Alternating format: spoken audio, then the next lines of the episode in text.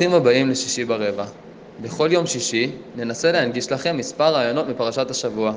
השבוע נפלה בידי הזכות להחליף את יונתן ולקחת חלק מהעשייה המבורכת הזו. אנצל את ההזדמנות לומר תודה לכם המאזינים, לרב נתנאל על הדברים, וליונתן שדואג שהפודקאסט הנפלא הזה יצא לפועל כל שבוע. והשבת, פרשת מצורע, המרחיבה על טהרת המצורע, ומתעסקת בצרת הבית וטהרת זב וזבה. ננסה להבין את הזיקה בין מצורעים, צרת הגוף, הבגד והבית, לבין הכשרת הכהנים, בגדיהם והמשכן. השבת היא גם שבת הגדול, השבת שלפני פסח, וגם לכך נתייחס. הרב נתנאל, בכבוד. שלום לכולם, שלום לכולם, ותודה ליאיר אה, שנמצא איתי כאן. השבת נקראת פרשת מצורע. מלבד הפרשה, השבת היא גם שבת הגדול, שבת שלפני חג הפסח, שנקראת שבת הגדול, וגם לכך נתייחס בסיום דברינו. אבל קודם כל הפרשה, פרשת מצורע. פרשת מצורע אה, עוסקת בהרחבה יתרה בתהליכי טהרת המצורע, ומוסיפה את צרת הבית, והיא מסיימת בדיני אה, טהרה של זב וזבה. במובן הזה, הפרשייה הקודמת, פרשת תזריע ופרשת מצורע, הן שתי פרשיות שיש בהן, אה, יש בהן איזשהו מבנה, אה, מבנה שמשלים אחת את השנייה. הפרשה הקודמת התחילה בדיני יולדת בשמונה פסוקים, ואז היא עברה להרחבת יתר של 59 פסוקים שעסקו בזיהוי המצורע בגוף ובבגד. הפרשה שלנו, פרשת מצורע, אה, אם כי גם הפרשה הקודמת יכלה להיקרא מצורע, רוב פסוקיה הם מצורע, הפרשה שלנו מתחילה גם היא בדיני מצורע, אבל הפעם היא עוסקת בטהרת המצורע, תהליך הטהרה המורכב והמפורט לפרטי פרטים, והיא מוסיפה את צרת הבית ומסיימת שוב בדיני אה, זב וזבה, טהרת זב וזבה. אה, המשותף לזב, זבה, יולדת ומצורע, שמובאים בפרשיות שלנו, זה מה שהמשנה מכנה שהם ארבעת מחוסרי כפרה. זאת אומרת, אלו טומאות שהדרך להתאר בהן היא איננה רק טבילה במקווה או ספירה של שבעה ימים וכדומה, אלא אה, נדרש, נדרשת פעולה נוספת שהיא פעולה של קורבנות, הבאת קורבנות אה, למשכן כדי להשלים את תהליך הטהרה. גם זב, גם זבה, גם יולדת, גם מצורע, בשונה למשל ממה שראינו בפרשה הקודמת, פרשת שמיני, אה, אדם שנוגע בשרץ, או אדם ש... או, או או דברים מעין אלו של מגע, שבהם הטהרה היא טבילה, הטהרה היא ספירה, אבל הטהרה לא קשורה אה, לעבודה קורבנית בכלל, אלא רק לפעולות שאדם עושה עם עצמו. ברגע שאני מקשר בין תהליך הטהרה לקורבנות, או מתנה את הטהרה בקורבנות, זה אומר שבעצם תהליך הטהרה קשור למשכן, קשור למקום של הכהונה בעצם, קשור למקום של הקודש, וכפי שבולט לעין, התורה קיצרה קצת בדיני יולדת, לא הרחיבה יתר על המיטה בדיני אה, זב וזבה, ואת עיקר ההרחבה שלה, 59 פסוקים פרשה הקודמת, 57 בפרשה הזאת, היא עוסקת אה, בדיני המצורע. יש לי שאלה. זה הזמן. אמ, למה, למה התורה באמת מרחיבה כל כך, כמו שאמרת, בדיני מצורע? ו... ולמה זה מופיע דווקא כאן, בין שני הפרשיות, פרשת שמיני ופרשת אחרי מות? כן, זה... טוב, יש פה שני שאלות טובות, שגם בנויות על הנחות יסוד חשובות. זאת אומרת, קודם כל זיהית שיש מעבר או קפיצה בין אה, פרשת שמיני שעסקה ביום השמיני של ימי המילואים, הכשרת הכהנים להיות כלי הקודש, התקווה הגדולה ליום של התגלות כבוד השם, וסיפור נדב ואביהו. לבין הפרשה הבאה, אחרי מות שני בני אהרון, ששוב תתאר את הכניסה אל הקודש המקדשי. איך נכנסים לקודש הקודשים. וזיהית שיש פה איזה רצף מתבקש, זאת אומרת שהיה מתאים אחרי סיפור נדב ואביהו, להביא את פרשת אחרי מות שני בני אהרון, איך נכנסים בזאת, תיכנס אל הקודש, והתורה פתאום יצרה איזה רווח, ובתוך הרווח הזה היא הכניסה דיני טומאה וטהרה. אמנם היא לא הכניסה את טומאת מת, שהיא תחכה לנו פרשת פרה אדומה לספר במדבר, כתוב אולי איזה אה, ביטוי או ריקורם שמבטא את המעבר מהשנה השנייה לשנת ה-40. כן, דור שלם הלך לעולמו, אה, והביטוי לזה יהיה דיבור על טהרת מת, תיאור מפרה אדומה, אבל כאן בפרשיות שלנו נושא הזה לא הוזכר, הוזכר טומאת מגע, טומאת שרץ בסוף פרשת שמיני, ואז נכנסנו לחטיבה של תזרים מצורע שהרחיבה בטומאות שקשורות קודם כל למערכת הרבייה המינית, כן, מערכת העיכול היא לא קשורה לדיני טומאה וטהרה, היא קשורה למה אכלת בבוקר, אבל, או בעיות אחרות, אבל המערכת הרבייה, המערכת המינית, אין זרע אצל הגבר ודם אצל האישה, כשהם קשורים למערכת הרבייה המינית, הם, אם הם לא מובאים בצורה טבעית או, או רגילה, או שיש בהם תופעות לא רגילות, אז הם נכללים בתוך מושגי טומאה וטהרה של מחוסרי כפרה, שנדרשים גם להביא קורבן. אבל, כפי שציינת, עדיין הרחבת היתר במצורע מצריכה הסבר. זאת אומרת, כמות הפסוקים במצורע היא מאוד מאוד גדולה, אז אני יכול להגיד שלפעמים בתורה אנחנו רואים תופעות שבהן נושאים מאוד חשובים, תורה קיצרה בהם, כמו שבת למשל. ואילו בנושאים שהם נראים לנו אולי פחות מרכזיים, התורה הרחיבה הרבה מאוד, בפירוט מאוד רחב. מצינו כבר תופעות כאלה, אבל כאן אני מרגיש, רוצה להציע שיש כאן סיבה נוספת להרחבת היתר בין דיני המצורע. והיא על פי, יש לי זיקה מפתיעה בין סיפור המצורע לבין סיפור הכהונה. כמה שזה נשמע שתי קצוות, אבל לפעמים שתי קצוות נפגשים. כן, הכהן עבר, הוא הוכשר להיות כהן, שבעת ימי המילואים, קיבל בגדים של כהונה. והוא עובד בתוך בית, בתוך משכן, שיש בו שולחן, מנורה, מזבח. יש בו גם את הרובד של הגוף, גם את הרובד של הלבוש, וגם את הרובד של הבית, וגם המצורע, יש לו גם את המצורע בגוף, גם את המצורע בבגד, צרת הבגד, וגם את צרת הבית. זאת אומרת, אני יכול לראות איזושהי זיקה מסוימת שהיא די מפתיעה, כי היא לכאורה הפוכה. גם הכהנים נמצאים בתוך המשכן בשבעת ימי המילואים, לא יוצאים מהמשכן, נמצאים בתוך הקודש. בעצם העם במחנה והם בתוך איזושהי בועה. וגם המצורע הוא מוצא מחוץ למחנה, אז אמנם הוא מוצא החוצה, לקצה השני, אבל גם הוא וגם הכהנים, בינתיים, בתמונה של התהליך שלהם, הם כביכול נמצאים בתוך בועה משלהם.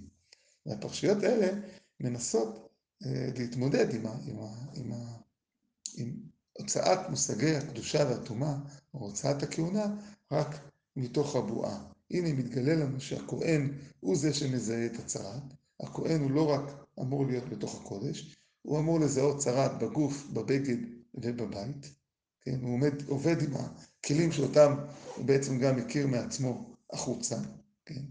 וה, והמצורע שנמצא מחוץ למחנה, הוא בעצם אה, אה, צריך לא רק להירפא ממחלת עור כלשהי, כי הסיפור פה הוא לא מחלת עור, כי הכהן הוא זה שמסגיר את הצרת, אם הכהן לא מגדיר שיש צרת, זה לא צרת. זאת אומרת, ההגדרה פה היא הגדרה של מושגי טומאה וטהרה, מושגי קדושה, ולא רק קופת חולים או רופא למחלת עור. כן, הכהן הוא, הוא עצמו זה שמגדיר אם זוהי צרת או לא, ובלעדי הגדרתו זאת איננה צרת. וגם התחושה פה היא לא של צרת כמחלה מדבקת שמיד אדם בורח, אלא היציאה מחוץ למחנה היא, היא נובעת מזה שהוא, שהוא במקום רחוק, הוא לא יכול להיות במחנה, לא כי הוא מדבק, אלא כי הוא מצורע. כן, יש בזה כמה, כמה וכמה פרשנים, לא ניכנס לזה כרגע, אבל כך זה נראה.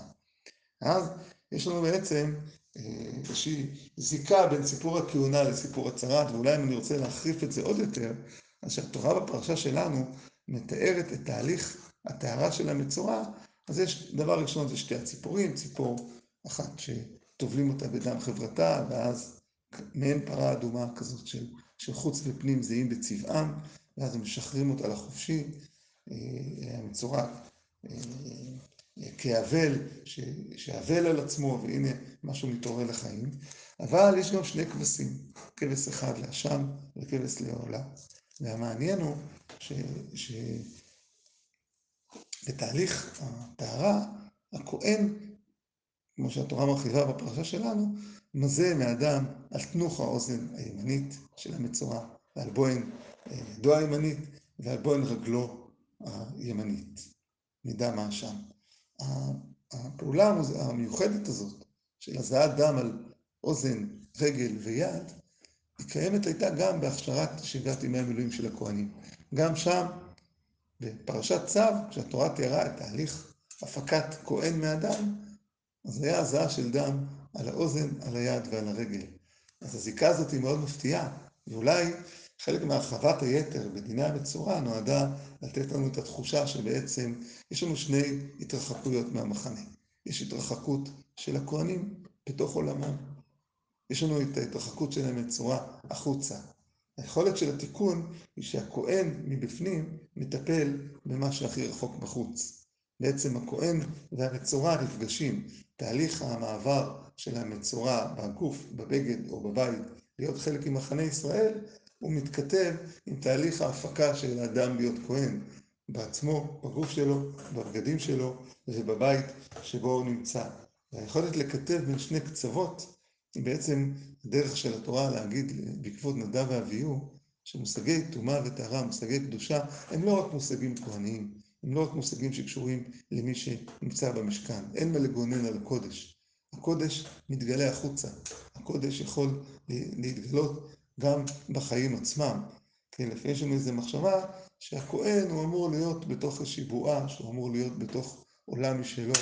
ואילו כאן התורה מספרת לנו שמלבד תפקידי הקורבנות המשכניים של הכהן, הכהן הוא גם זה שאמור לטפל במצורע. הוא היחיד שמטפל בו. הוא מביא את הקורבנות שלו, הוא מזיע עליו את הדם, הוא דואג לו. הכהן הוא זה שמופקד על הקצוות, על הקצה. הוא בקצה הפנימי, אבל הוא כל הזמן מתכתב עם הקצה החיצוני. במובן הזה הכהן והמצורע הופכים להיות מעין תמונות מראה אחד לשני. אה, הרב, זה מזכיר את הגמרא של אה, רבי יהושע בן לוי פוגש את, אה, את המשיח בשערי רומי. כן, נכון, מקסים, כן. הגמרא בסנהדרין, שבאמת יופי של דוגמה. הגמרא בסנהדרין מתארת את רבי יהושע בן לוי שרוצה לפגוש את המשיח. הוא מגיע לשערי רומי, ורואה את כל, הוא יושב עם כל המצורעים בכניסה לעיר, וכולם מורידים את כל התחבושות. והוא מוריד תחבושת אחת ושם את השנייה. וכשהוא נשאל למה, אז הוא אומר שהם יקראו לי, אני, אני, אתה מכיר את זה כחייל, אני אוכל להיות מוקפץ מהר, אני אוכל להגיע, להיות זריז ומיד להיות מוכן. והתמונה שם היא מאוד מפתיעה, הנה הדמות המשיחית, הדמות הגואלת. היא קודם כל מתוארת כמצורעת, היא יושבת עם המצורעים, יש לה תחבושות. יותר מזה, הגמרא, אחד הכינויים של משיח, גם בגמרא בסנהדרין, זה חיוורת דבי רבי, חיוורת מלשון הלבן, ההצהרה קשורה ללובן, לצבע הלבן, חסר החיים, כמו שדיברנו על זה. אז יש כאן תיאור מאוד מפתיע, שבעצם המצורע, או המשיח, המשיחיות קשורה לצרעת. המש... במובן הזה שהמשיחיות, או התיקון של הקודש, הוא לא רק תיקון של הקודש בתוך מושגי הקודש, אלא זה יכולת להביא אותו החוצה, לעולם, לחיים, למציאות שבה אנחנו נמצאים. כן, לפעמים אנחנו מתגעגעים רק לבית מדרש. מתגעגעים למקום שלמדנו בו, כן, למדרשה שלמדנו בה, לבית מדרש שלמדנו בו, והגעגועים הזה הם קסומים והם יקרים והם טובים, אבל תפקיד הכהונה או תפקיד הקודש זה להתרחב גם לחיים עצמם, גם למציאות עצמה. במובן הזה, כשהתורה בוחרת להרחיב בפרשה שלנו, בפרשת המצורע, היא בעומק מקטבת לנו בין משהו בלתי אפשרי, בין סיפור המצורע, זיהוי המצורע וסוגי הצרעת שלו, וגם תהליך הטהרה של המצורע וההסתגרות שלו, לבין תהליך ההכנה של הכהנים. הנה, הכהנים, איך הכינו אתכם? הכינו אתכם כמו שמתארים מצורע. תודה רבה רב, זה באמת דברים שמאוד נוגעים ליום בצבא. יבוא יום ותגלה אחרי שתשתחרר מהצבא שזה נוגע גם לדברים של החיים עצמם. כן. גם בחיים עצמם אנחנו, אנחנו צריכים לפגוש את מושגי הטומאה והטהרה, לא רק במושגים המשכניים, אלא אולי זה חוזר למעטפת של יולדת, זב, זבה, דברים שהם חלק מהחיים הטבעיים של האדם, וגם הם יכולים להיתפס כתור עניינים טבעיים בלבד, הם יכולים פתאום להיתפס דרך משקפיים של קודש, טומאה, קרבה, ריחוק. כן, הנה הדבר הזה הוא בעצם, שהוא סתמי או שולי, או הפרשה כלשהי, הוא בעצם בעל משמעות, בעל משמעות גם זה מושגי קדושה וטומאה, גם אם אני לא כהן, וגם אם אני לא הולך מחר למקדש, וגם אם זה לא קשור אליי, עדיין, עדיין זה עולם המושגים שלי. כן, אבל אתה צודק. נכון. ואולי אה, באמת תיגע אה, לגבי משהו עד אה, שבת הגדול. שבת הגדול זה שבת שבה נוהגים היו, יש לה כמה הסברים וכולם מכירים אותה, אבל אני אולי אגע בזמן הקצר שיש לנו במשהו ככה פחות מוכר. שבת הגדול, שבת שלפני ליל הסדר, אז יש, נהגו הדרשנים, אפילו בחוזים של הרבנים בקהילות, בתקופות קדומות יותר, היה להם בחוזה שתי שבתות שבהם חייבים לתת דרשות. אחת בשבת הגדול שלפני ליל הסדר, והשנייה בשבת תשובה, שבת שבין ראש השנה ליום כיפור. שאר השבתות, לפעמים כן, לפעמים לא, אבל אלו היו שתי השבתות שבהם רב הקהילה התחייב בחוזה שבהם הוא נותן דרשה. דרשה, ובאמת, גם כיום מקובל כל אחת וכל אחד מכם, בכל מקום שהוא יהיה, אני משער שיהיה דרשת שבת הגדול באזורו, זה מוסד ידוע וחשוב, שבו הרבנים מדברים בדרשות לפני הציבור הרחב. ובכל שנה אני נזכר בשבת הזאת במעשה יפה שאמר רב ישראל מרוז'ין פעם, שהוא אמר שהיה רב אחד בקהילה בשכנותו, שהיה בשבת הגדול דורש בהלכות תשובה, ובשבת תשובה שבין ראש השנה ליום כיפור, הוא היה דורש בהלכות עגלת כלים להכשרתם, כן? כמובן זה היה, אמר ישראל מרוז'ין, שאומנם הוא הפך את הדברים, אבל הוא עשה כהוגן, הוא צודק, כן? קודם כל זה משעשע, כן? זאת אומרת, אדם בא בפסח בשבת הגדול, אז פתאום דרשה על תשובה מאהבה, תשובה מהירה, חילוקים בתשובה, איך עושים תשובה. אדם בא לפני, בין ראש השנה ליום כיפור, והוא שומע איך להכשיר כלים, מה קורה אם יש לי כלים זכוכית, כלים עם מתכת, מה קורה עם חרסינה, מה אני עושה וכולי. אז, אז יש כאן איזה משהו שמפתיע בהיפוך הזה כמובן. אמר רבי ישראל מרוז'ין שפסח הוא חג שיש בו, הוא חג של אהבה, הוא חג של תשובה מהאהבה, של תיקון. בסופו של דבר, במה מתבטאת האהבה בפסח? שהוציאו אותנו ממצרים לא בגלל שעשינו משהו טוב. כן, הכוח של האהבה זה שאתה מוכן לתת קרדיט לאדם שאתה אוהב אותו, גם אם לא מגיע לו את הקרדיט, או גם אם לא, או לא, זה לא אהבה שתלויה בדבר, זה לא אהבה שתלויה בגלל שהוא עושה משהו, אלא כשאני אוהב מישהו, אז אני אוהב אותו, מוכן לקבל אותו כפי שהוא, גם אם לא מגיע לו. כשאנחנו יצאנו ממצרים, זה לא בגלל שעשינו איזה מעשה מי יודע מה, בגלל לא יצאנו ממצרים, אלא הקדוש ברוך הוא פשוט הוציא אותנו. למה אותנו ולא אחרים? אין סיבה. אין סיבה כלשהי מלבד זה שהוא פשוט הוציא אותנו. ולכן אנחנו יצאנו החוצה. ולפעמים זה סיפור האהבה, כן? כן? אחרי כל הסיבות ש... שאני אוהב את פלוני או את אלמונית, כי א', ב', ג', ד', ה', ו', יש גם את האמירה הזאת, אני יכול להגיד, אבל גם יש עוד מישהו כזה או כזאת שבדיוק הוא א', ב', ג', ד', ואתה אומר, לא, זה לא קשור, זה פשוט, זהו, זה זה. זה זו כוחה של אהבה. אמר ישראל מרוז'ין שפסח זה זמן של תשובה מאהבה. מתאים גם קצת לטבע, הטבע מתחדש, הכל יפה, הכל ירוק. אפשר להרגיש איזה רוך בעולם, אחרי הגשם והאפוריות, פתאום, פתאום המציאות ככה ירוקה, מאירת פנים, מזמינה אותנו. לא התאמצנו על זה, זה קרה לבד. שדות צמחו, העצים פורחים, לא תמיד בגלל שהשקענו, זה פשוט הטבע. טבע מחדש מאיר את פניו, אלינו למציאות. ולכן אמר המשרד מרוז'ין, לפני פסח מתאים לדבר על תשובה מאהבה. ואילו לפני ראש השנה, יום כיפור, זה הזמן לתקן את הכלים שלנו. ולכן מתאים לדבר על עגלת כלים, ועל הכשרת כלים, כן? והוא הוסיף עוד איזו אמירה שהיא גם נחמדה, שהוא אמר שבראש שנה אנחנו נוסעים, נוהגים לעשות תשליך, להשליך את העבירות שלנו ממקור מים חיים, וטען רבי סעד ורוז'ין שאת המים האלה אנחנו לוקחים מה שנקרא מים שלנו בלילה, מים שלנו, לא שלנו, אלא מים שלנו בלילה, הכוונה שנשתמרו, שלוקחים אותם ממעיינות, והם בעצם המים שזרקנו אליהם את העבירות בתשליך, והנה אנחנו לוקחים את העבירות ומכניסים אותם לתוך המצות, ובזה אנחנו עושים תשובה מאהבה עוד יותר גדולה, כי תשובה מאהבה פירושה להכיל גם את החסרונות ואת הבעיות ואת העבירות, ולא רק את היתרונות. במובן הזה לדבר בשבת הגדול על תשובה מאהבה ותשובה מהירה, פירושו של דבר לנסות להכין אותנו לליל הסדר. ליל הסדר, הרבה פעמים יש בו הרבה יש בו איזו תביעה לצאת לחירות, ויש פה גם את כל המתח הפנים משפחתי, או אם אדם לא בבית, גם במתח. ומה שצריך, ההכנה עולה הראשונית לליל הסדר זה לבוא ממקום של אהבה למה שיש, לקבל את הקיים, לקבל את הקיים כפי שהוא ולדעת זה אני, זה משפחתי, זה עולמי, זה סביבתי. אני, היכולת שלי היא לא, אה, היא, היא לא ליצור את מה שיש לי, לא יצרתי את הוריי, אה, אפילו את ילדיי לא, למען האמת.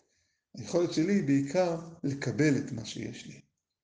לקבל את זה ולהיות עם זה, וזה בעצם מקום של תשובה. זה המקום של התשובה מהאהבה, שאני מקבל את כל הקיים אה, כקיים. במובן הזה, הנה, יצא לנו אפילו דרוש על שבת הגדול. תשובה מהאהבה, ובשבת תשובה נדבר על עגלת כלים והכשרתה, תהליכי תשובה, איך מים מהעבירות בתשליך הפכו להיות בעצם אה, מי המצות שמאפשרים בעצם את קיומה של מצוות מצה. שבת שלום לכולם.